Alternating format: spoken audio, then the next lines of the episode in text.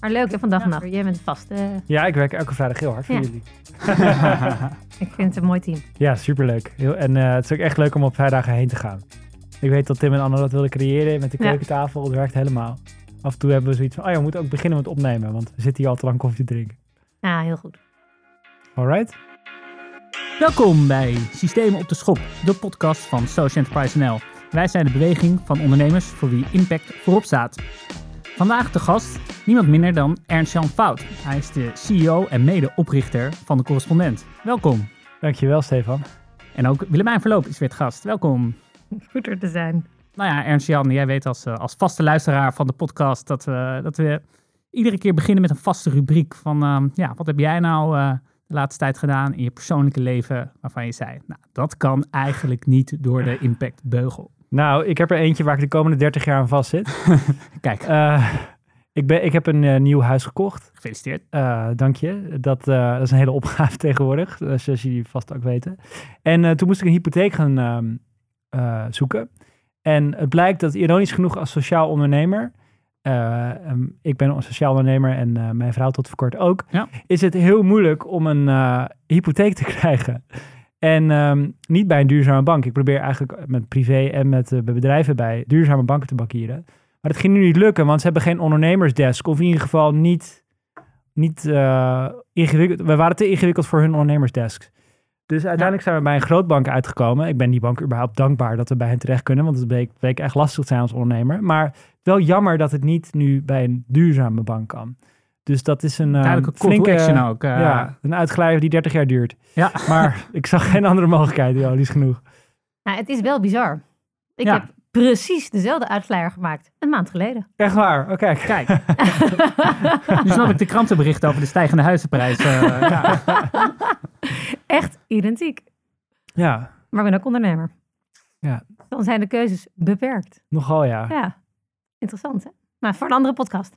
Ja, Inderdaad, ik vrees dat ik met een eh, iets kleiners kom. Ehm, nou, kijk, ik moet, denken, ik moet eigenlijk wel denken aan vorige afleveringen. Dus ik ben, eh, ben vorige week eh, met mijn gezinnetje een weekje op Ameland geweest. Nou, dat is natuurlijk hartstikke milieubewust. Ehm, ja, maar toch als je af en toe wat eten afhaalt, iedere keer voelde ik me toch wel een beetje licht schuldig richting, richting de Dutch Wheat Burger. Als ik dan geen Dutch Wheat Burger haalde. Ehm, maar wel iets van, eh, van vlees. Dus ik ben nog geen, eh, geen vegetariër of vegan. En ehm, nou ja, dan merk je toch dat dat, eh, dat blijft eh, eh, prikkelen op een niet goede manier. Dus eh, wie, weet, eh, wie weet heb ik een nieuwe announcement in de volgende, volgende aflevering. En ik zeg, kijk, Seaspiracy even. Dan gooi je vis er ook meteen uit. ja, ik ben gestopt met vlees eten. En ik weet nu als ik die Netflix documentaire ga kijken, dat ik dan... Ja. Geef het even. Dus ik ben nu aan het uit, uitstellen. Ja, het is wel de moeite toch? Oké. Hey, eh, Ernst Jan, we gaan naar jou. Jij bent, eh, jij bent natuurlijk eh, nou ja, directeur, oprichter van de correspondent. Daar gaan we het uitgebreid eh, over hebben. Maar ja, je doet nog meer eigenlijk. En ja, je, bent, je hebt een eigen podcast, je, je schrijft boeken. Je bent thought leader on personal finance. Ehm, ja, wat vind, je, wat vind je zelf eigenlijk je leukste side project? Nou, POM, de podcast over media, dat, dat doe ik nu, Ja. ik denk, ze- vijf, zes jaar zoiets. Samen met Alexander Klupping. En head of the podcast curve. eh, Ja, nou, toen Toch? voelde het alsof Ja. we laat waren, maar dat bleek achteraf onze nerdbubbel te zijn. Want het is, het is een stuk groter geworden sindsdien. En eh, nu luistert eigenlijk, eh, nou ja, iedereen in mijn omgeving lu- luistert eigenlijk wel naar podcast. En we zitten bij Dag en Nacht Media. Ja. En ehm, het is gewoon ontzettend leuk om elke vrijdagmorgen te kunnen praten over de ontwikkeling in media. En het voelt, het voelt als een hobby en tegelijkertijd is het ook heel nuttig, want ik dwing mezelf op die manier op de hoogte te blijven wat er allemaal speelt. Eh, in, in de mediawereld, in de technologiewereld. En ik heb een excuus om interessante mensen uit te nodigen en die het hem van het lijf te vragen. Dus bevalt heel goed. Het is heel, overigens heel erg meta om in deze podcast over een podcast te vertellen, maar het is toch echt mijn favoriete side project. helder. Voor wie Ja. je nog niet kent, eh, ja, de podcast over media. Maar je bent een journalist en podcastmaker. Maar wij zijn geen journalisten, maken ook een podcast. Wat zou jij aan jou vragen? Ha, goeie. Wat zouden wij absoluut aan jou moeten vragen? Want vanuit jouw journalistieke blik, waarvan je zegt, dat wordt mij nou eigenlijk nooit gevraagd, maar dat is nou echt interessant. Ja, toch wel naar, eh, volgens mij ging je dit ook wel doen, want ik ken jullie podcast, naar, naar eh, mislu- misluk, wat ik van mislukkingen geleerd heb. Ik mag hier geen halleluja verhaal gaan houden, want het is natuurlijk, iedereen kloort mij wat aan en ik ook. Dus eh, wat ik van mijn mislukkingen geleerd heb, dat, dat zou ik mezelf vragen.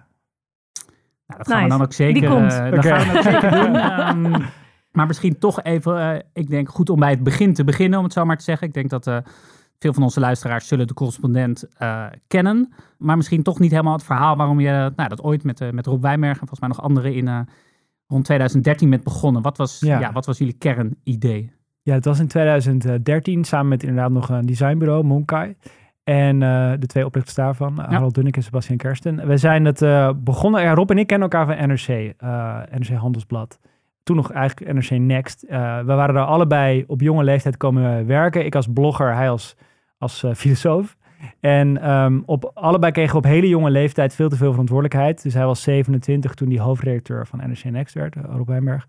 En ik was 24 toen ik chef internet werd. Wat sowieso, chef internet is echt de beste titel die ik ooit zal hebben, denk ik.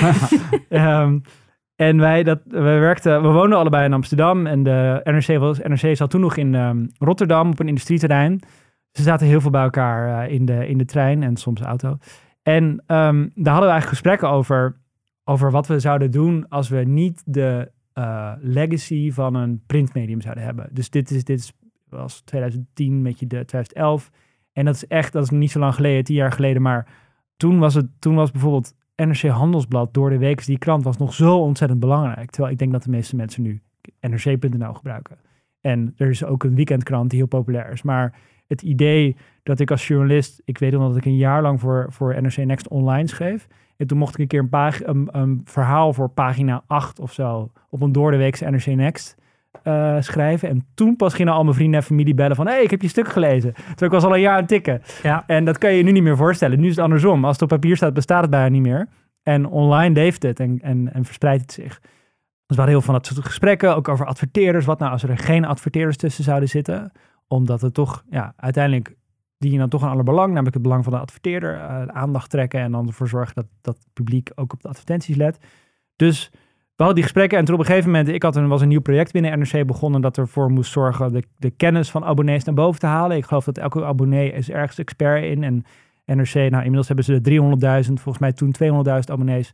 Ehm, die weten allemaal ergens wat van, via een studie of een werk of een hobby misschien wel of persoonlijke ervaring.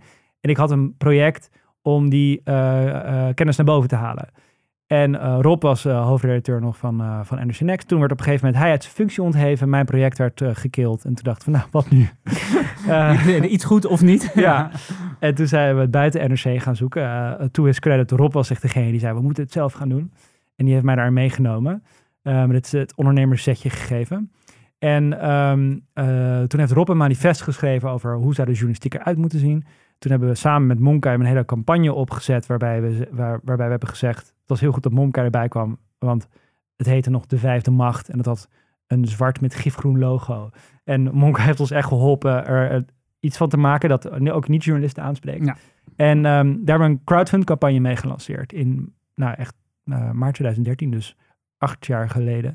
Uh, waar we zeiden, als we ehm 15.000 mensen bereid kunnen vinden 60 euro te geven, dan hebben we 9 ton en dan kunnen we van start en dan kunnen we voorbij de waan van de dag gaan met iedereen. Dus niet over het nieuws, over hypes schrijven, maar over de ontwikkelingen de, achter de hypes. Ja.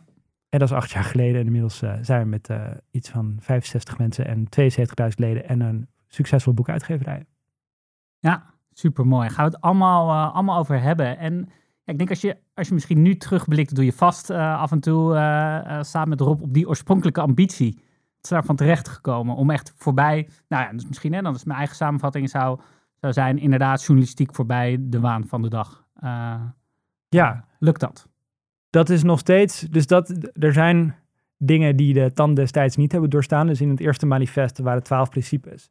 Stond, uh, inmiddels zijn het er tien. En er is iets gesneuveld. Bijvoorbeeld het principe, we zijn volledig digitaal.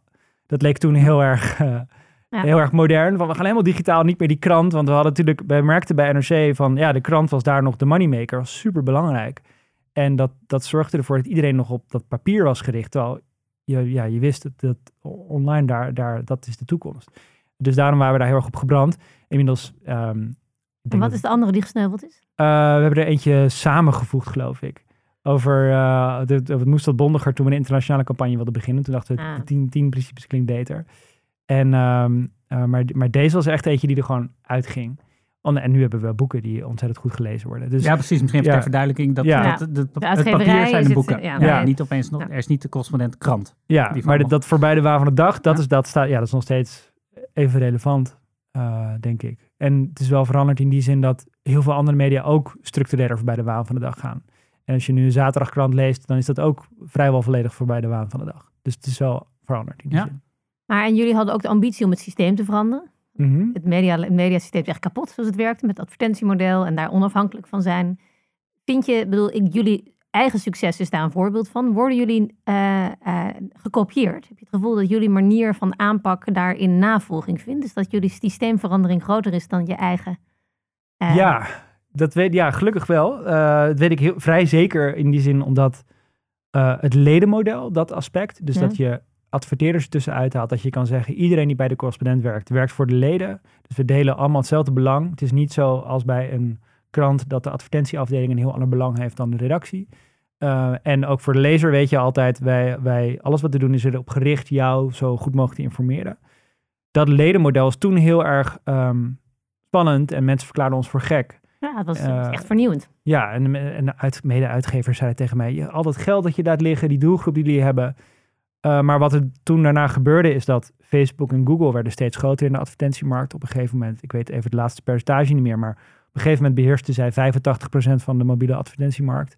En ja, merkte je dat journalistieke organisaties die dus in bereik en in precisie niet meer konden wedijveren met, met, met dat soort sociale netwerken of dat soort bedrijven, dan maar merksamenwerkingen gingen doen. Dus, dus bijvoorbeeld gesponsorde bijlages bij de krant of Ja. online van, Ja. die, van die branded content. Want traditionele advertentieinkomsten Ja. die vielen terug. Ja. En eh, daardoor, eh, daardoor werd een, door, die, door die neergaande markt, kijk, wij waren er uit principe mee gestopt, maar door die neergaande markt werd het voor veel meer uitgevers interessant. En eh, toen zijn we op een gegeven moment benaderd door New York University.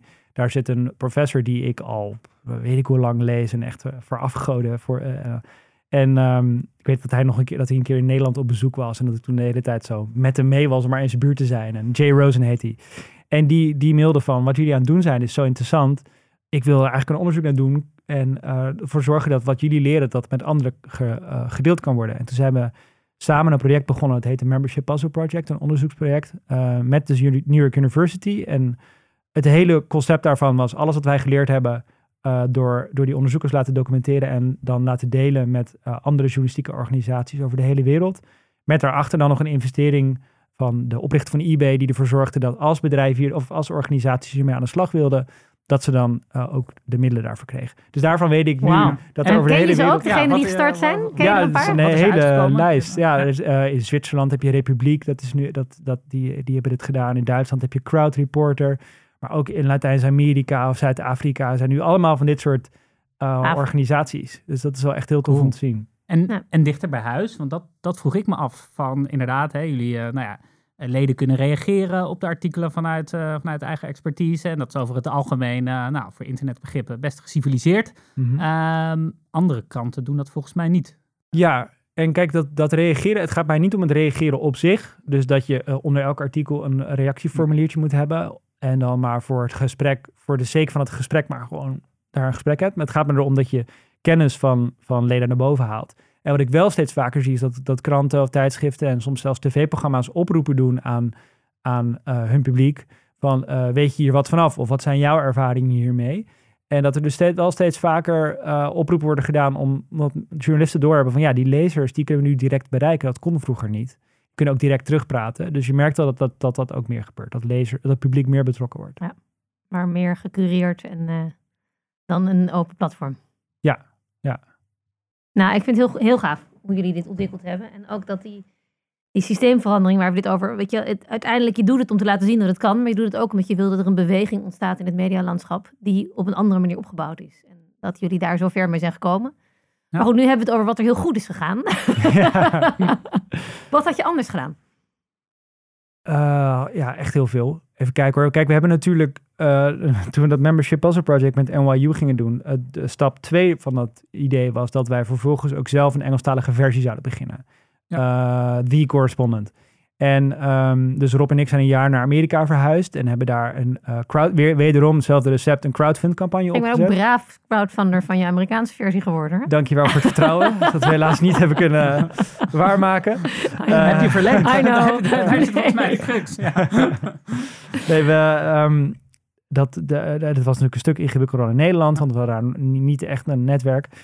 Tenminste, nou, genoeg netwerk om te beginnen, maar niet zoals in Nederland dat we, dat zoals Femke Halsema en Gerbrand Korsje zich aansloten. Die ambassadeurs die we nodig, die we nodig hadden, moest in, moesten we ook in, in Amerika voor onze Engelstalige uitbreiding zoeken. En dat hebben we gedaan. En die campagne is succes geworden. We hebben 2,5 miljoen dollar opgehaald bij, bij 46.000 mensen uit 140 verschillende landen. Dat was echt ongelooflijk uh, mooi om te doen. En, maar dat succes dat duurde ongeveer twee maanden voor de eerste grote, uh, grote ding waarvan ik zeg dat had ik graag anders gedaan. Jij noemde het net al Amerikaanse uitbreiding.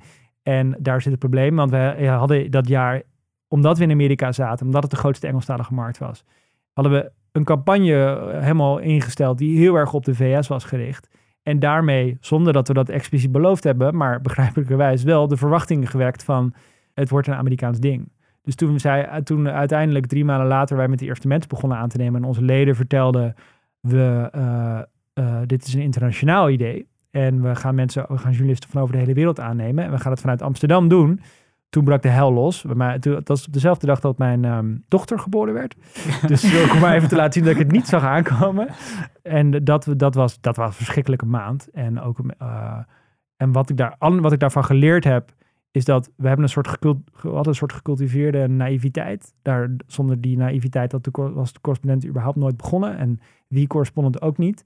Maar op een gegeven moment loop je tegen de grenzen van, dat, van, van die houding aan. En, ja, want gecultiveerde naïviteit, daarmee bedoel je van, we weten wel dat het zo niet werkt, maar wij doen het nou eenmaal anders. Ja, we willen die richting ja. op meer. En uh, dus we willen in het Engels de, deze journalistiek uh, mogelijk gaan maken, want we geloven dat dit model wereldwijd werkt. Uh, dus we gaan dit gewoon proberen. We gaan gewoon die crowdfunding beginnen.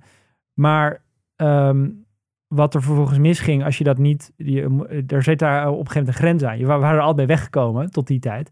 Maar je moet het toch uitdenken in de zin van... en wat is dan de, wat is dan, uh, de volgende stap? En neem je mensen daar wel genoeg in mee? Of ben je zo gericht op, op uh, het maar waarmaken... Wat, wat we bijvoorbeeld altijd zeggen bij de crowdfunding is... Als men, er wordt altijd wel gevraagd in zo'n crowdfunding vooraf... Maar ook tijdens de crowdfunding van wat is plan B? En dan is het standaard antwoord wat we altijd gaven. Dit is er niet. Want elke seconde die ik aan plan B ga besteden... gaat ervoor zorgen dat ik niet aan dat al vrij onmogelijke plan A moet werken. Maar daar schoten we te ver in door in de zin van dat we niet goed genoeg hadden doorgedacht van wat komt daarna. En wat voor verwachtingen hebben we eigenlijk, wekken we hier eigenlijk mee op. Dus dat, um, dat doordenken en de ruimte geven aan de mensen. Want het was echt wel in, met we hebben dat geëvalueeerd en teruggekeken. En mensen hebben dat ook echt wel tegen ons gezegd van hou je rekening mee, wat komt hierna? En ik ben nu, we zijn nu een paar jaar verder. Mijn dochter is inmiddels twee. En uh, inmiddels uh, let ik op van, um, ja, ook uh, meer, luister ik meer naar mensen die, die meer kritische vragen stellen en langer voor uitdenken. Want je kan niet met die gecultiveerde naïviteit ver, ver, ver komen, maar er zit een grens aan. Herken je dat, ja. Willemijn? Je hebt natuurlijk ook dingen gestart. Ik herken dat zeker. En wat denk ik ook meespeelt, is dat je uh, de eerste keer, als je nog geen grote naam hebt, gunt iedereen je alles. Maar jullie hadden al een naam neergezet, jullie hadden al een grote broek aan. Uh, mm-hmm. En op het moment dat je dan iets probeert wat niet lukt, uh, word je ook harder afgerekend. Ja. Dus ik denk ook dat je daarin, uh, de, de, de, als je voor het eerst iets in een bepaald segment begint, gunt, gunt iedereen je het succes. En als je helemaal su succesvol bent, en ik denk dat je zeker kan zeggen dat het correspondent uh, in Nederland een beweging heeft gecreëerd. Maar op het moment dat je dan met dezelfde naïviteit de volgende stap pakt en je maakt hem niet, dan komt het ook harder, boemerangt het harder terug. Ja. En ik denk Ja. dat, dat jullie ook wel, uh, ja, dat je daar ook last van hebt gehad. Ja, ja er kwam heel veel kritiek vanuit uh, het vakgebied en ook vanuit uh, voormalige ambassadeurs. We hadden, op dat moment iets van 49.000 leden. Het was drie, jaar, de, drie maanden na die, die Engelstalige crowdfunding. Daar hebben we er toen 250 van opgezegd. Dus dat is heel erg weinig. Dat was toch? heel erg weinig, maar Ja. het was wel die publieke afrekening Ja. was zo heftig dat dat wel afstraalt natuurlijk. Want daardoor Ja. kan je moeilijker mensen aannemen en zo. We zijn alsnog wel gelanceerd een paar, een paar maanden later. En we hebben een heel mooi jaar gehad met, met eh, vijf correspondenten van letterlijk van over de hele wereld. Dus eh, India, Nigeria, eh, Egypte, de Midwest. En ehm, we hadden ook vijf mensen van over de hele wereld die bij ons in Amsterdam werkten.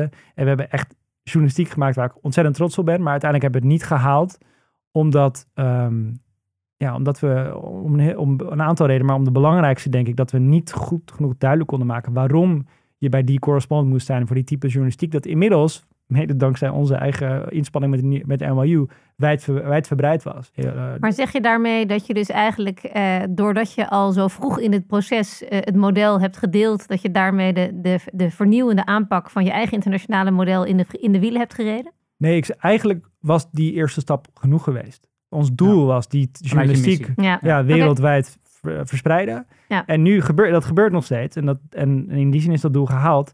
Alleen dat we het daarna zelf ook eh, zelf met, met journalisten in dienst zouden moeten gaan doen. Dat was gewoon een maatje te groot. En, en Ja. diende eigenlijk die missie niet. En dat hoort een beetje bij die gecultiveerde naïviteit. Dat, je dat als we daar langer over na hadden gedacht, was misschien Ja, wel dat we maar het was toch ook een beetje shorts in de rebellenclub die zin hadden in New York Ja. te gaan wonen. Gewoon wel, gewoon is- even, we gaan het gewoon even gaan kijken wat er gebeurt. Ik had het gewoon- zo het kwam het op mij over. Dat vind ik ook wel weer charmant.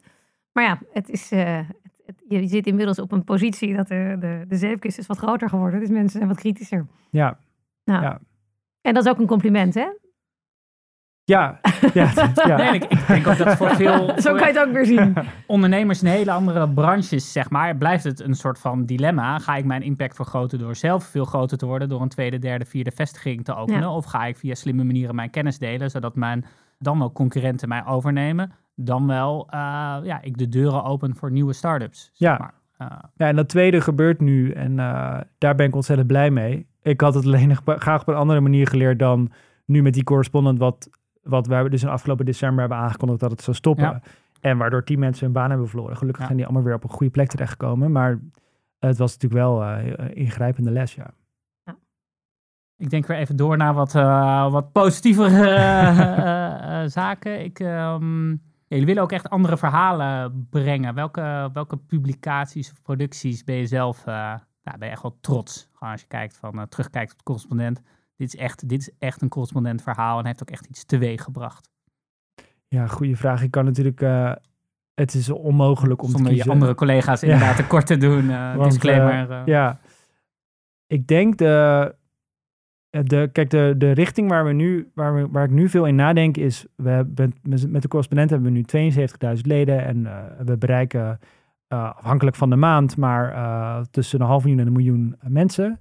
En onze boeken worden, worden goed verkocht, maar we bereiken eigenlijk alleen mensen die eh, van lange, lange lappen tekst houden of zo informatie tot zich nemen of podcast luisteren. En ehm, ik denk steeds meer na, en veel van mijn collega's ook, over hoe kunnen we, dat is een soort van preken voor eigen parochie. Dus het is een soort Ja, de usual suspects, Ja. die, eh, die heb je. Ja. ja. Eh, en eh, hoe kunnen we daar, hoe kunnen we onze inzichten breder delen? Want je zit toch in de journalistiek om dat wat je naar boven haalt, zo breed mogelijk te delen. Dus vorig jaar hebben we ehm, met eh, Rutger Bregman had een essay geschreven over de over, klima- klimaatcrisis. En dan vanuit Nederlands perspectief. Namelijk, hij, hij beargumenteerde, dit is zo'n abstract probleem. Je, je kan er door een nationale len- lens naar kijken. En bijvoorbeeld in Nederland hebben we te maken met een stijgende eh, zeespiegel. En ehm, hebben we binnenkort Amersfoort aan, aan zee als we niks doen. En waarom ik daar zo trots op ben, is omdat we dat, dat had hij als een essay geschreven. Dat leverde hij in bij, bij onze boekenuitgever, uh, Midoe Klein-Lankhorst. En eh, die, die zei, dit is eigenlijk een brief aan alle Nederlanders. Hoe krijgen we dit bij zoveel mogelijk Nederlanders? Dus toen zijn we gaan, gaan nadenken van, nou, wat zijn organisaties die veel Nederlanders bereiken? Bijvoorbeeld de Postcode Loterij.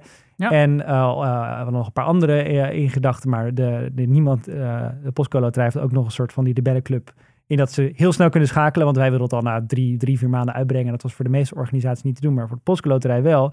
En Ja, toen ging dat, jullie hebben gewoon benaderd en dan van, we hebben een goed idee. ja, ook omdat zij al een paar keer ons hadden benaderd, omdat ze onze, onze klimaatjournalistiek Ja. zo goed vonden. Dus ze we, we wisten dat daar een, ma- een match was. En toen hebben we met hen afgesproken dat zij aan elke Nederlander die dat zou willen, dat eh, boekje thuisbezorgd te kunnen krijgen. En eh, dat mensen dat vervolgens weer door konden geven. En, ehm, dat, en dat ze hun, volgens mij 3 miljoen, eh 3 miljoen leden hierop zouden attenderen. Nou, dat was al fantastisch. Tegelijkertijd hebben we toen met het AD hebben we een verkorte versie in, is in al hun edities door het hele land geplaatst. Mochten het bij de Wereld Daardoor lanceren. We hadden ook eh, bijvoorbeeld een video gemaakt die het kort uitlegde wat er gebeurde. Die totaal andere stijl was dan wat we tot nu toe hadden gedaan. Dat we door, ja, we dachten van we moeten een breder publiek bereiken. Dus moeten we ook durven andere middelen in te zetten. En werkte dat? Eh, ja, uiteindelijk, eh, uiteindelijk hebben we bijna een miljoen Nederlanders op die manier bereikt. En ehm, eh, met één verhaal. En dat, dat is. Eh, dat, dat, dat- o- op een gegeven moment, het ging die paar weken nergens anders over dan, daar, dan over die stijgende zeespiegel. En daar was verder geen aanleiding voor of zo, omdat het is gewoon puur en alleen doordat we met, met zulke mooie partners dit, dit zo eh, ja, bij zo'n brede doelgroep konden krijgen. Dus daarom, we zijn onlangs een stichting begonnen, de Correspondent Foundation. Ja. Puur voor dit doel, omdat we willen kijken van hoe kunnen we nou die verhalen die we maken bij een breder publiek krijgen. Daar willen we mee kunnen experimenteren. Dus er hoeft geen, geen omzet voor terug te komen, hoeft ook niet zakelijk rond te zijn. Moet, maatschappelijk belang moet gewoon op één staan. Eh, daar zijn we die stichting voor begonnen en we zijn nu aan het eerste project aan het bekijken van hoe kunnen we daar... eh, Ja, nou, wat voor soort, ik wil, want ik wil wel vragen, ja, wat, wat voor soort nieuwe samenwerkingen komen er dan nog eh, aan? Kan je een tipje van de sluier ja, geven? ik- Er zijn al veel geheime projecten voorbij gekomen in deze podcast. Dus, Ja, we zitten nog in de gesprekkenfase. Die stichting die bestaat net. Ja. En we hebben het afgelopen februari geloof ik gelanceerd. En eh, onze leden hebben al meer dan eh, 115.000 euro gedoneerd. Dus we hebben nu ook echt iets waar we mee aan de slag kunnen. Ehm, en we zoeken het nu in hoeken van bijvoorbeeld eh, dat verhaal, eh, eh, bijvoorbeeld klimaatcrisis. Hoe krijgen we dat bij middelbare scholieren op een interessante manier? Ja. Of eh, ehm, sowieso eh, de educatieve hoek, wat, wat voor mogelijkheden zijn daar? Maar ook, ja, dit is dan zo'n project waar ik nog niks over mag zeggen, Nee, omdat we nog nee. in gesprek zijn. Maar hoe Ja. krijgen we bijvoorbeeld, eh, hoe zeg ik dit? Hoe krijgen we i- eh, informatie bij, bij tieners via bijvoorbeeld eh, media die wij ons nog helemaal niet eigen zijn, waar wij nog nooit wat mee gedaan hebben, maar wat we kunnen samenwerken met een partner die bijvoorbeeld wel heel groot op TikTok of Ja, eh, Instagram is. Dus dat soort, dat soort dingen, dan kijken wat er aanslaat. En wie weet dat het dan ook later iets is wat we echt onderdeel kunnen maken van onze normale En blijft de basis dan altijd wel eh, geschreven media en podcast? Of gaan jullie Nee. via de stichting veel breder? Ja, echt veel breder. Ja. En dan kijken we per project naar welke doelgroep we willen bereiken en dan welke media daarbij horen. dus eh, het eh, het TikTok-account van de correspondent is opgezet. Of, eh, Ja, ik, weet, niet- het hoeft niet per, ik weet niet of dat onder het merk van ons gaat, want dat is ook... Nee, dan bereik je weer je ja, eigen doelgroep natuurlijk. Ja, dus dat zou ook kunnen dat het, dat het, uh, het hoeft niet per se ons label op te hangen. Ja, en moet je dan niet een totaal andere expertise opbouwen in die stichting? Ja, dus we hebben er een jaar de tijd voor genomen. Geleerd van bijvoorbeeld de, eh, iets minder naïef te werk gegaan. Dus we hebben met eh Annika de Groot, die nu de directeur van de stichting is. Zij, zij is een jaar geleden bij, bij De Correspondent begonnen om, om deze case te onderzoeken. En te kijken van, eh, zijn Dus het wordt eigenlijk echt een ander bedrijf, maar dan gewoon een not-for-profit.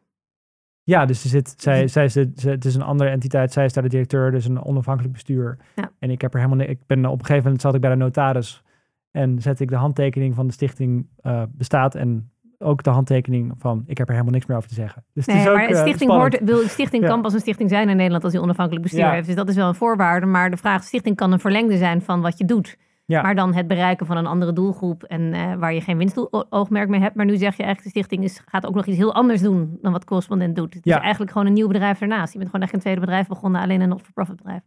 Ja, en er zit wel een adviescommissie in die voornamelijk uit correspondenten bestaat. Dus wel om, het, moet, het heet natuurlijk ook Correspondent Foundation, dat is bewust, want we willen dat het in de geest van de correspondent is. Eh, maar er kunnen hele andere dingen uitkomen. En andere media kunnen ook gewoon, ook gewoon partnerships daarmee beginnen zonder dat wij daar tussen zitten. Nou, dat gaan we, dat gaan we zeker spannend. blijven Zeker dat je je eigen Ja. naam erin stopt en dat het zo los staat. Maar goed, daar gaan we dan in een volgende podcast over een paar nog eens over hebben. Hoe, Ja. hoe de- Ja, het is een beetje een sprong in het diepe, maar tegelijkertijd dachten we, als je wilt in, in de geest van de correspondent, moet je dus ook durven het een naam te geven. Want dan vergroot je de kans op dat het gebeurt.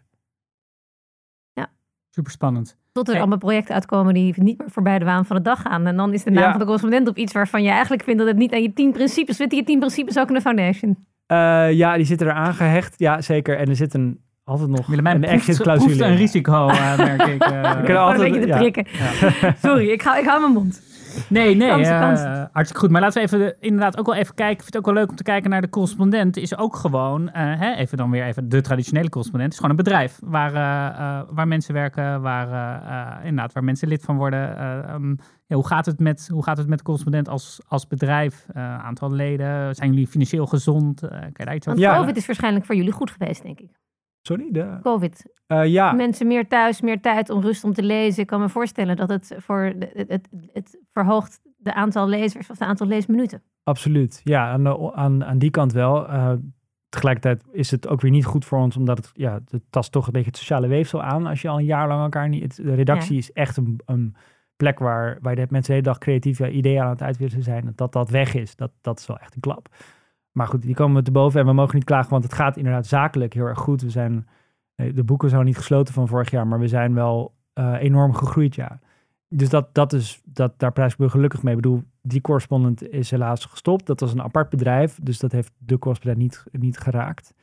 Ehm, maar uh, nee, met de correspondent gaat het gelukkig heel erg goed. Ja, er zijn heel, heel veel meer boeken verkocht en dan ook rechtstreeks aan mensen. En, uh, en, en, we hebben gewoon heel veel leden bij gekregen. We begonnen vorig jaar het jaar met, met 61.000 leden en nu een jaar later hebben we 72.000. En wat we ook zien. Wat voor ambities hebben jullie daarin? Want daar kijk ik ook van, nou, wil je gewoon wil je steady blijven, blijven groeien? Of zeg je nee, we gaan, uh, we gaan een keer de verdubbelaar inzetten? Of uh, hoe, nou, hoe, kijken jullie naar ledengroei? Mijn korte termijn ambitie is, het, uh, is dit, dit jaar is helemaal opgericht het fundament te verstevigen. Die correspondent is natuurlijk zo ingrijpend geweest dat, je ook, dat we ook bepaalde dingen bij de Nederlandse tak bleven liggen. Ja. En die willen we nu gaan aanpakken. Um, maar wat voor, uit, wat voor soort dingen? Het zijn waarschijnlijk hele saaie interne dingen. Maar dat ja, is, het is gewoon. De, ieder bedrijf heeft ermee te maken. Dus, uh. Ja, het, we zijn echt een wandelend cliché. Maar het founders, founders dilemma of het founders syndrome hebben we het vast al eens over, over gehad. Uh, dat, dat, dat is ons niet vreemd. Dus het is ja. een heel. Het, het founders syndrome, dat, dat, nou, ik zal het nog even uitleggen, is dat dat, je, dat het allemaal nog heel erg... Hoe krijgt het bij jullie uiting? Want je hebt, je hebt ja. weer varianten op het uh, founder syndroom. Ja, dat het allemaal heel erg informeel is. Dus dat, er, dat, dat het een, een, een organisatie is waar... waar, waar uh, nou, is heel informeel, is een soort uit de hand gelopen vriendengroep. Maar dat is niet meer houdbaar. Zeker niet als je een jaar op afstand werkt en met 65 bent. Um, en wij, onderdeel van het founder syndrome is dat je denkt dat je, dat, er voor alles, dat je voor alles een nieuwe manier gevonden hebt. Terwijl voor sommige dingen zoals HR of finance de, de bestaande manier prima werkt. En daar tot die, tot die realisatie komen dus. We zijn nu bezig met, nou ja, op het oog hele saaie, maar uiteindelijk superbelangrijke dingen voor de gezondheid en het werkplezier van iedereen. En uiteindelijk ook voor, voor het succes van het bedrijf zelf. Uh, dat we dat soort dingen aan het implementeren zijn dit jaar. En dan kom je en waar haal aan. jij als, als, als, als leider het meeste plezier uit? Want je, bent natuurlijk, als je bent nu zeven jaar aan het bouwen hier aan, geen jaar is hetzelfde. Je moet ieder jaar uh, groter team, andere uitdagingen. Maar waar, waar heb jij het meest plezier in, in als ondernemer en als... Uh, uh, ja, ben toch. je CEO? Wat ben je eigenlijk? Wat is je exacte titel? Weet ik ja, ik noemde mezelf CEO, maar dat was ook omdat we die internationale tak hadden. En Ja. daar kom je alleen maar binnen met een indrukwekkende titel. dus ik denk dat ik me nu zelf weer directeur gewoon ga noemen. maar ehm, uh, wat je vraag? Ja, wat vind ik leuk? Ik, vind het, ik, ik geniet er heel erg van om, om, om nie, uh, nieuwe dingen uit te proberen. Een nieuwe manier te verzinnen waarop we, die, we die journalistieke inzichten bij mensen kunnen krijgen. En tegelijkertijd ook weer nieuwe ideeën bij, bij het publiek zelf naar boven te krijgen. En um, ik gok een beetje de richting van je vraag is... Hoe dat, dat nu, en nu staan we voor de uitdaging dat we, dat we moeten zeggen, nou, we moeten het fundament meer gaan bouwen. En ik, probeer, ik vind daar nu ook wel de uitdaging in, omdat het, het is zo cruciaal. Ik merk dat als je dat niet goed doet, dan heeft het geen zin om weer iets nieuws te beginnen. Want dan denkt iedereen van, gaan we weer? Ik wil gewoon even duidelijkheid over, over hoe het hier intern werkt en zo. Dus nu ben ik daar op gericht. Ja. Met de hulp van mensen die daar weer heel veel energie uit halen. Ja, en is dat, dat ook, is dat voor jullie als bedrijf nu de grootste uitdaging? Eigenlijk gewoon, nou, plat gezegd, de boel op orde krijgen. Even juist niet nieuwe dingen gaan doen, maar gewoon de dingen die we doen uh, wat strakker organiseren? Of, uh... Ja, met daarbij uh, ook dat we met z'n allen bij elkaar. We gaan volgende maand komen bij elkaar en dan gaan we twee dingen doen. Eerst gaan we die correspondent als geheel evalueren. Dus wat hebben we daar nou van geleerd? En het tweede is wat wij willen over vijf jaar staan. Want die correspondent gaf ons heel erg richting natuurlijk. Want dat is waar we heen gaan, wereldwijd. Nu, dat nu, we, nu we zien dat we wel wereldwijd zijn gegaan, maar via andere journalisten en via dat Membership Puzzle Project, willen we wel weer een soort nieuwe stip aan de horizon zetten van komende vijf jaar ziet er zo uit. Dus daar is 2021 het jaar van. En uh, wellicht zit daar de verdubbelaar waar je het over had, zit daarin. Ja. Van dat is dan hetgene waar we op gaan richten. Uh, het is wel inherent aan, aan de journalistiek dat je altijd je inzichten bij meer mensen wil hebben. Ik weet alleen niet of die groei per se in leden hoeft te zitten. Of dat het ook in andere, andere uitsvormen ja. kan ja. komen. Maar het was voor mij, het was wel een beetje bedoeld als een scaling vraagstuk. We hebben hier in deze podcast bijvoorbeeld met Eva Gouwens, die uh, Fairphone uh, hielp scalen en eerder ook uh, grote bijdrage lag aan de scaling van Tony's, dat die dat dat vaak een andere fase is. De scaling fase na de founder fase. Ja. Dus dan is dat de vraag van, jij bent een echte founder en je bent tegelijkertijd ben je die scaling op allerlei manieren aan het doen. Dus dan is dat de vraag, wat vind je zelf het leukst om echt zelf te doen? En waar kan je, heb je begonnen met de luxe dat je andere sterke mensen kan binnentrekken. Ja, Die een deel van het bedrijf voor je naar een niveau brengen waar misschien jouw ambitie helemaal niet ligt. Dus dat is altijd een beetje zoeken. En ik denk dat het ook voor veel ondernemers dat zoeken is van wanneer komt nou dat punt dat je zelf andere dingen gaat doen. Of dat je als leider in een andere rol gaat zitten en een heleboel dingen weer gaat delegeren naar een volgende generatie. Dus het is, misschien lag dat een beetje onder mijn vraag. Van, ja dat vermoed ik al. ja. ja. Het was eigenlijk al duidelijk, eh, Willemijn. nou, wat, dat, dat is wel echt, blijft wel ingewikkeld. Want ik dacht dan, nee, dan ga ik gewoon heel veel delegeren en dan halen we goede mensen binnen. En dat, dat doen we dan ook. Maar vervolgens, als Rob en ik dan wel overal onze mening over blijven geven, dan werkt dat niet. Want dan ondermijn je, ook al is dat niet die bedoeling, ondermijn je die goede mensen die je binnen hebt gehaald. Dus we zijn nu, we hebben ons nu wel echt gerealiseerd, en ik wou ook dat, dat, dat ik dat twee jaar eerder had gedaan, van we moeten hier zo bewust mee bezig zijn. Laten we gewoon iemand vragen ons hierbij te helpen. Dus we zitten nu bij iemand die een, een soort leiderschapscoach die ons hier bij dit proces helpt. Want er zitten natuurlijk zoveel verschillende tinten in hoe Ja. je dit kan, kan insteken. En bij elke organisatie is het natuurlijk in die zin anders. Dus da, daar, zo kijken we er nu wel naar, ja. Ja, vind ik wel mooi. Dat is een mooie learning. Ja, Nee, en ik denk dat heel veel ondernemingen, ik heb dit zelf ook meegemaakt. Het is, eh, je kan willen loslaten, eh, maar het ook doen eh, is iets heel anders. ja. dus bepaalde taken loslaten of het daarin, eh, nou, ja, wij hebben het ook samen meegemaakt. Nee, absoluut. Ik zit even te denken of ik hier een, een eh, snelle reflectie op heb. Nou ja, ik kan me wel voorstellen, laat ik het zo zeggen. Kijk, dat founders die, eh, syndroom moet ook weer geen cliché aan zich worden. Het is ook leuk als, als mens, als professional, om te, om te kijken... oké, kan ik in, in een andere fase van mijn bedrijf... ja, kan ik mezelf ook ontwikkelen en kan ik daar Ja. ook weer eh, in bijdragen. Ja, ik merk dat ik het wel echt interessant vind om dit nu te leren van hoe kan je dat, dat fundament bouwen. Dat ik daar wel energie uit haal. Ik zit het niet tegen heugenmeug te doen. En ik, ik heb ook vrienden die dat wel hadden en die dan echt een stap opzij hebben gedaan. Ja. En dat dat veel beter was. Uh, maar ik haal hier wel echt energie uit om te ontdekken hoe dit moet. Ik wil het ook gewoon ja, in mijn in mijn skillset hebben. Ook voor Ja. later van hoe doe je Ja. dit? Hey, ik wil nog even over uh, even stilstaan bij de, bij de financiële kant van de correspondent. Hè. Jullie publiceren heel, heel mooi, ieder jaar transparant jullie uh, de cijfers.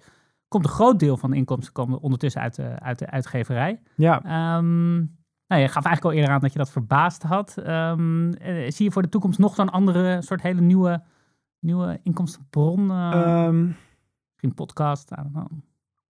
Nou, kijk, we, tegen, tegenover die, de uitgeverij die dus enorm succes is geworden en, en uh, nou, volgens mij nu richting de, de helft van de omzet van de correspondent gaat. En dat is niet allemaal Rutger Bregman, toch? Of, nee, uh, nee, dat is ook een, ook een hele grote backlist van andere auteurs. En wat we eigenlijk doen is dat we, we brengen maar vier boeken per jaar uit. En wat veel uitgeverijen doen is 30 boeken per maand. En heel erg op actualiteit gericht. Elke keer weer nieuwe boeken. En wat wij hebben net een heruitgave ja, van een boek. dat er eentje aanslaat en naar elkaar ja. best weer... Uh, ja. En ook als er eentje wel is aangeslagen, daar laten niet zoveel meer mee doen nadat dat door de midprice is gegaan en zo. Terwijl wij hebben net een boek uit 2015, je hebt Deutsch te verbergen, een, een boek over privacy, hebben we herzien samen met de auteurs. En die staat nu weer in de bestseller top 60. Um, want die is nog steeds even relevant. En uh, dus het is niet alleen Rutger, het is ook een enorme backlist van, van boeken die maar blijft, uh, blijft verkopen. Omdat we ze zien als een, ja, als een soort collectie die we blijven updaten. Maar daartegenover staan ook uh, experimenten met om omzet op andere manieren te genereren die niet gelukt zijn. We hebben bijvoorbeeld evenementen geprobeerd. Ja. Dat was inhoudelijk echt, echt fantastisch. Dus ja. dan gingen we door het hele land naar Schouwburg. En dan is zat dat het. Schouwburg, weet ik nog. Ja, ja. mooi. Alleen als je geen sponsors hebt en als je tegelijkertijd toegankelijk wil blijven, dan is dat heel moeilijk om daar uh, omdat, nou, het lukte ons om een break-even te krijgen als je de uren niet meetelde. En dat is een beetje vals spelen, want als we zo'n evenement zoals de stad Schouwburg, als we dat hadden, was het gewoon, stonden twee maanden in teken van het evenement. Dus dan konden we dat gewoon niet meer rondkrijgen. Terwijl als we sponsors hadden gehad, wel. Maar dat kan niet, gaat niet met ons model samen. Of als we zoals andere media 200 euro voor een kaartje hadden gevraagd in plaats van 15 euro ja. of zo. Dan, dus dat, dat is niet uh, gelukt. En we hebben ook uh, een lezingen, uh, eigen sprekersbureau gehad werkt ook niet, want het leidde te veel af ja. van de dagelijkse praktijk. Dus het is wel gewoon een beetje trial and error. En dan ja. een van die dingen vliegt dan. En, ja. ja. ja. Ik weet, ja, we, kijk, we gaan binnenkort bespreken waar we de komende vijf jaar heen willen. En dan, ik kan me, daar ga ik wel ideeën. Hoe uit... kunnen leden daar eigenlijk over meedenken, bedenk ik me nu? Goeie vraag. Ja, Daar hebben, we, we hebben wel, uh, dus onze leden sturen heel veel ideeën. En die sturen we dan in een wekelijkse nieuwsbrief rond. En ik ga wel aan de uh, uh, mensen van ledenservice vragen of ze een presentatie kunnen geven. Wat zijn nou de wensen die mensen willen? Ja. En wat we gaan doen is vervolgens die ideeën. wij gaan op een gegeven moment keuzes willen maken. En die gaan we dan toetsen met, met ledenonderzoek. Um, maar welke kant dat opgaat, ja, misschien dat we een papieren magazine gaan beginnen op een gegeven moment. Of eh, dat, dat soort dingen, het kan, kan alle kanten op. Als we maar, uh, als we, als maar dat hoofddoel blijft dienen, dat we die inzichten uh, voor het voetlicht kunnen brengen. Het eerste nieuwe ding wat we nu gaan doen is een boekenlidmaatschap introduceren. Dus dat je in kan tekenen op eigenlijk alle boeken. Dat doen nu duizend mensen, maar dat is een soort van verborgen pagina. Een, ja, ja, alleen dat gaan we nu groot uitrollen. Tof. Oh. En je schrijft jezelf nog? Want je bent natuurlijk wel de manager, CEO, maar ja. je, je, uh, hoe vaak schiet je zelf nog in de pen? Nou, ik heb uh, uh, volgende week een weekje vrijgenomen, tussen haakjes, omdat van mijn dagelijkse werk om weer eens een weekje te schrijven. Om een soort van, dat heb ik nu een half jaar niet gedaan door die correspondent en zo. ik vind het wel, net zoals de podcast waar we het eerder over hadden, echt fijn om te blijven doen. deels omdat ik het gewoon ontzettend leuk vind, maar deels ook om een beetje feeling te houden met hoe het werkt en hoe het, hoe het, hoe het ook verandert om, om je ideeën als auteur bij mensen te krijgen. Dus uh, een paar jaar geleden merkte ik, toen ik aan het schrijven was, dat ik het heel frustrerend vond dat ik een stuk online had gezet, dat mensen daar dan op reageerden, dat het wat leefde rond dat stuk. En dat dan, als ik dan een maand later weer een nieuw stuk uitbracht, dat ik geen manier had om het aan die mensen te laten weten. Ik bedoel, wel de leden, maar een heel andere groep niet. Dus toen, wat dat was in 2015 of zo, ben ik een nieuwsbrief begonnen uh, namens de correspondent, waar ik, waar ik zei, nou ja, als je wil weten waar ik aan werk, uh, schrijf je hierin, dan krijg je ook een seintje als er een nieuw stuk komt. En uiteindelijk werkte dat heel goed. En zijn meer auteurs dat gaan doen bij de correspondent. En dus die, die op die manier... Helpt het je ook in je innovatiekracht om er, daarmee bezig te zijn? Ja. Om... Los van gewoon het ouderwets schrijven. En welk onderwerp ga je over schrijven als je volgende week vrij neemt? Waar, waar gaat je... Uh, waar ben je mee bezig? Nou, Wat speelt er, voor jou? jij hint er net al een beetje naar, Stefan, over personal finance. Er is een beweging in Amerika, de FIRE-beweging, de Financial Independence Retirement. Ja, dit mij, is echt een, uh, dit is een krofje naar je hand. Of, uh, ja? Ja, dit, en die, die, ik ben heel benieuwd. Die groep, die, het lijkt me heel interessant om te onderzoeken hoe die groep, uh, die het gaat allemaal over inkomsten natuurlijk, maar de uitgavenkant van die groep vind ik heel interessant. Die zeggen dus eigenlijk, als je je uitgaven naar beneden brengt, dan hoef je minder te sparen om financieel onafhankelijk te worden en je spaart ook sneller. En als je niet elke keer je levensstijl upgrade met je uh, inkomen, dan is dat de weg naar financiële onafhankelijkheid. Wat ik heel interessant daaraan vind. En is dat dan consuminderen gewoon? Is dat de, de basis? Ja. Uh, en, gewoon. Ja, nou, dat, is, eh, dat, is, wel waar het op neerkomt. Alleen, nou, en je telefoonaanbieder opbellen en vragen om korting, toch? Dat, dat soort dingen. En, um, maar als het over FIRE gaat, gaat het de hele tijd over beleggen, beleggen of over of het elitair is of niet. En wat mij heel interessant lijkt is om te onderzoeken hoe kan je. Er zijn dus nu honderdduizenden mensen in de westerse wereld die, dit, die opeens dit aan het aanhangen zijn om een soort van individu, individueel, uh, individuele wens, niet de maatschappelijke wens. Maar hoe zou je dit kunnen koppelen aan dat nieuwe tijdperk van postgroei waar we heen gaan? Zit er misschien een link tussen die FIRE-beweging en, uh, uh, en bijvoorbeeld de, de, de donut-economie waar we heen willen? En dat, dat, daar wil ik een serie over gaan schrijven. Ook Nee, interessant, ja, dat zou ik wel. Uh... Nou, het lijkt me een weekje wat kort om daar een serie over te schrijven. Ja, dus ik ga het, al, het aanzet. ik ga veel boeken lezen en het aanzetstuk schrijven. Aankondigen dat ik dit ga schrijven. Ja. hey, uh, volgens, mij, uh, ja, volgens mij gaan we een beetje naar, naar afronding toe. Ik, um, ja, misschien nog even over inderdaad, nou ja, net al een beetje over jezelf. Zie je zelf, hoe, ziet, hoe ziet de toekomst eruit? ben je over tien jaar nog nog directeur van de correspondent, denk je? Uh, ik weet niet of ik nog directeur ben. Ik hoop dat ik dan uh, plaats heb gemaakt voor iemand die uh, een geboren directeur is. Ik, ik zie mezelf er nog wel betrokken bij zijn. Maar ik, ik kijk wel uit naar, naar een moment dat waar we net over hadden, dat op een gegeven moment daar iemand zit die een geboren of die heel veel energie uit, uit wat doen wat een directeur hoort te doen. Die een manager is. Ja, een manager is, inderdaad. En, maar wat, dat, wat ik dan ondertussen aan doe, met dat, dat, weet ik, dat weet ik nog niet. Uh, of ik dan gewoon, of ik dan misschien wel correspondent ben, als dat mag van de hoofdredactie. Ja. Of, uh, of, ik, uh, of ik een programma maak voor de correspondent, dat weet ik niet. Maar duidelijk dus nog de, de correspondent zit dan nog wel in, jou, in jouw DNA, zeg maar. Ja, het, het, het ja, het feit dat, je, dat we um, ik vind het gewoon zelf het beste model nu voor, voor als je een maker bent en je wil voorbij de waan van de dag. Dan zijn wij een soort talentenhuis geworden waarbij, waar we ervoor zorgen dat je boek goed gebracht wordt, dat je op allerlei andere manieren ook je inzichten bij mensen krijgt. En uh, daar wil ik heel graag op voortbouwen, ja. ja. Nou, en ik denk ook belangrijk dat dat gebeurt, want ik denk dat we nu kijken naar de social enterprise beweging, die uh, Stefan en ik nu een jaar of tien intensief volgen, dan is er toch een zware ondervertegenwoordiging in de media. Hmm. Dus Ja. hoeveel eh, jonge mediabedrijven zien we nou opstaan die heel duidelijk in, in, in het- de ambitie hebben om het systeem te veranderen. En het, het systeem in de media is hartstikke kapot op heel Ja. veel manieren. Niet alleen het businessmodel wat niet werkt, maar ook de, de hoeveelheid. eh, de, nou, we kunnen het hebben over fake news, over de veel te grote macht van de Googles en Facebook. Er is heel veel in, in, in de media wat veranderd mag worden. Dus ik hoop dat er nogal wat meer mensen geïnspireerd worden.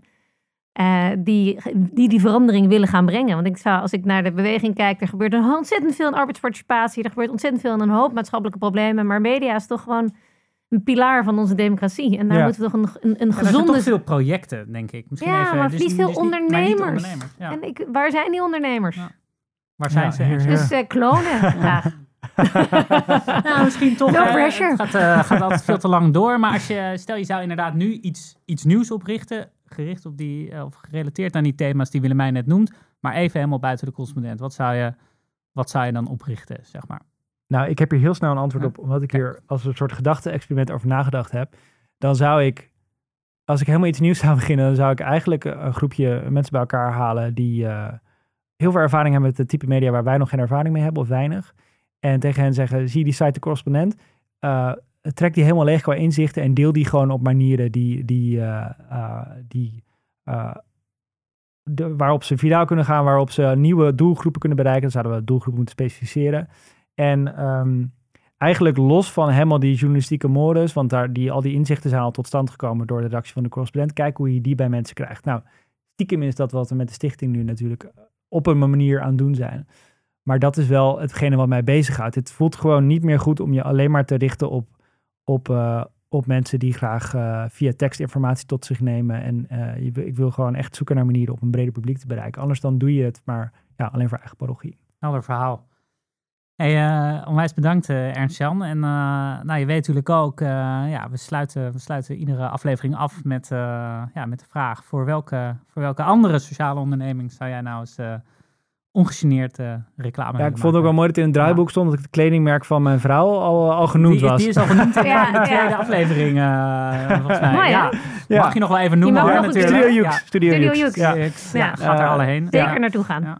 Eh, Of nee, online. ja, eh, eh, ik zat te denken en ik denk, ehm, ik heb toch eh, gekozen voor Moyer. Ik weet eigenlijk niet hoe de naam uitspreekt. Moyer.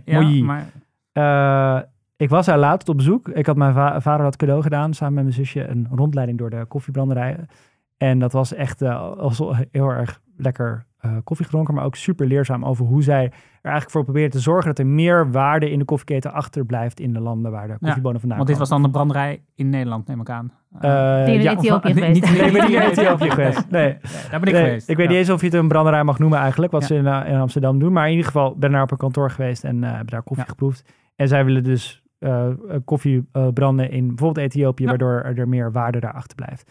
Super lekkere koffie ook. Dus eh, Absoluut. mooi bedrijf. Echt een, echt een game changer. Moji koffie. En dan kan je natuurlijk ook online je koffie bestellen.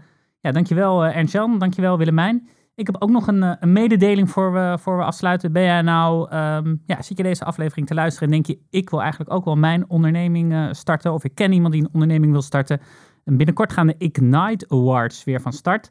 Het is een wedstrijd, een, een wedstrijd voor startende ondernemers, georganiseerd door het Anton Jurgens Fonds. Met name in Oost-Nederland. Dus kom je uit Gelderland, Noord-Brabant of Overijssel. Binnenkort kan je je weer aanmelden, kan je heel veel geld winnen. Is echt gericht voor startende ondernemers. Igniteawards.nl. Check it out. En ehm Je kan een ton winnen, je toch? kan een ton winnen. Ja, dat is wel euro's. In euro's, ja. Dat, eh, Zeg er nog Goed maar dat je bij dat erbij voor, zegt. Ja, eh, dat zou een hele grote Ja. misleiding kunnen worden. Nee, maar dat zijn serieus prijzen voor Ja. echte vroege starters. Dus Ja. ehm, ik heb er wel eens in de jury gezeten. En heel gaaf. Dus als je een goed business idee hebt met grote impact, go for it. En dankjewel voor het luisteren en eh, op naar de volgende.